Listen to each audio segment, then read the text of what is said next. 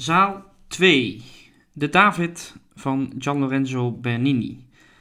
Uh, dit is het eerste beeld van Gian Lorenzo Bernini wat jullie gaan bekijken. Als jullie tenminste zijn begonnen in zaal 2, uh, eh, wat het meest voor de hand ligt. Uh, we zullen er vier van Bernini gaan bekijken, waarvan dit dus de eerste is. En hier zal ik ook niet zo heel lang over vertellen. Nou, de David van Gian Lorenzo Bernini is gemaakt toen uh, Bernini 25 jaar oud was. Uh, een van zijn laatste beelden die hier staan. En is een opdracht van Scipione Borghese, jullie wel bekend, uh, is die gemaakt. Nou, wat was ook alweer het verhaal? Ehm, er was een punt in tijd dat de Israëlieten, de Joden, oorlog hadden met de Filistijnen van de uitspraak natuurlijk naar de Filistijnen gaan. En de twee legers stonden tegenover elkaar.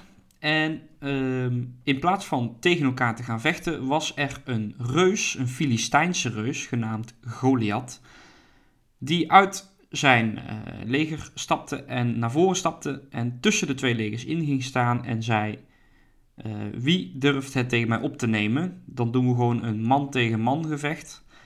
En degene die wint, zijn hele kamp wint. En dan hoeven we dus niet een hele oorlog te voeren, maar dan hoeven we slechts een tweekamp te doen om de beslissing van de oorlog uh, te laten zijn.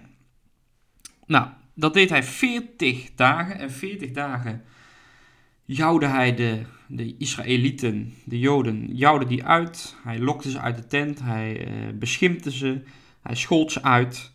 En niemand durfde naar voren te stappen, want Goliath was zo'n in, ja, immense reus, niemand durfde. Totdat op de veertigste dag er een herdersjongetje aankwam met een slinger en een steen. En die heette natuurlijk David. En die zei: Ik wil dat wel doen.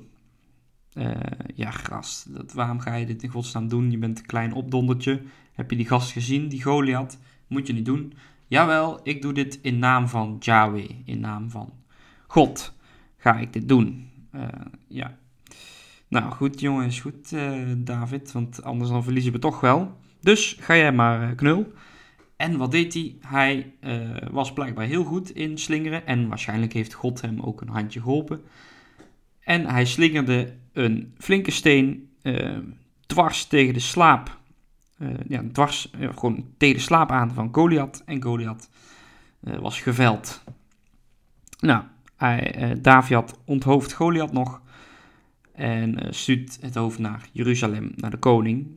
En David is de held en dankt natuurlijk God.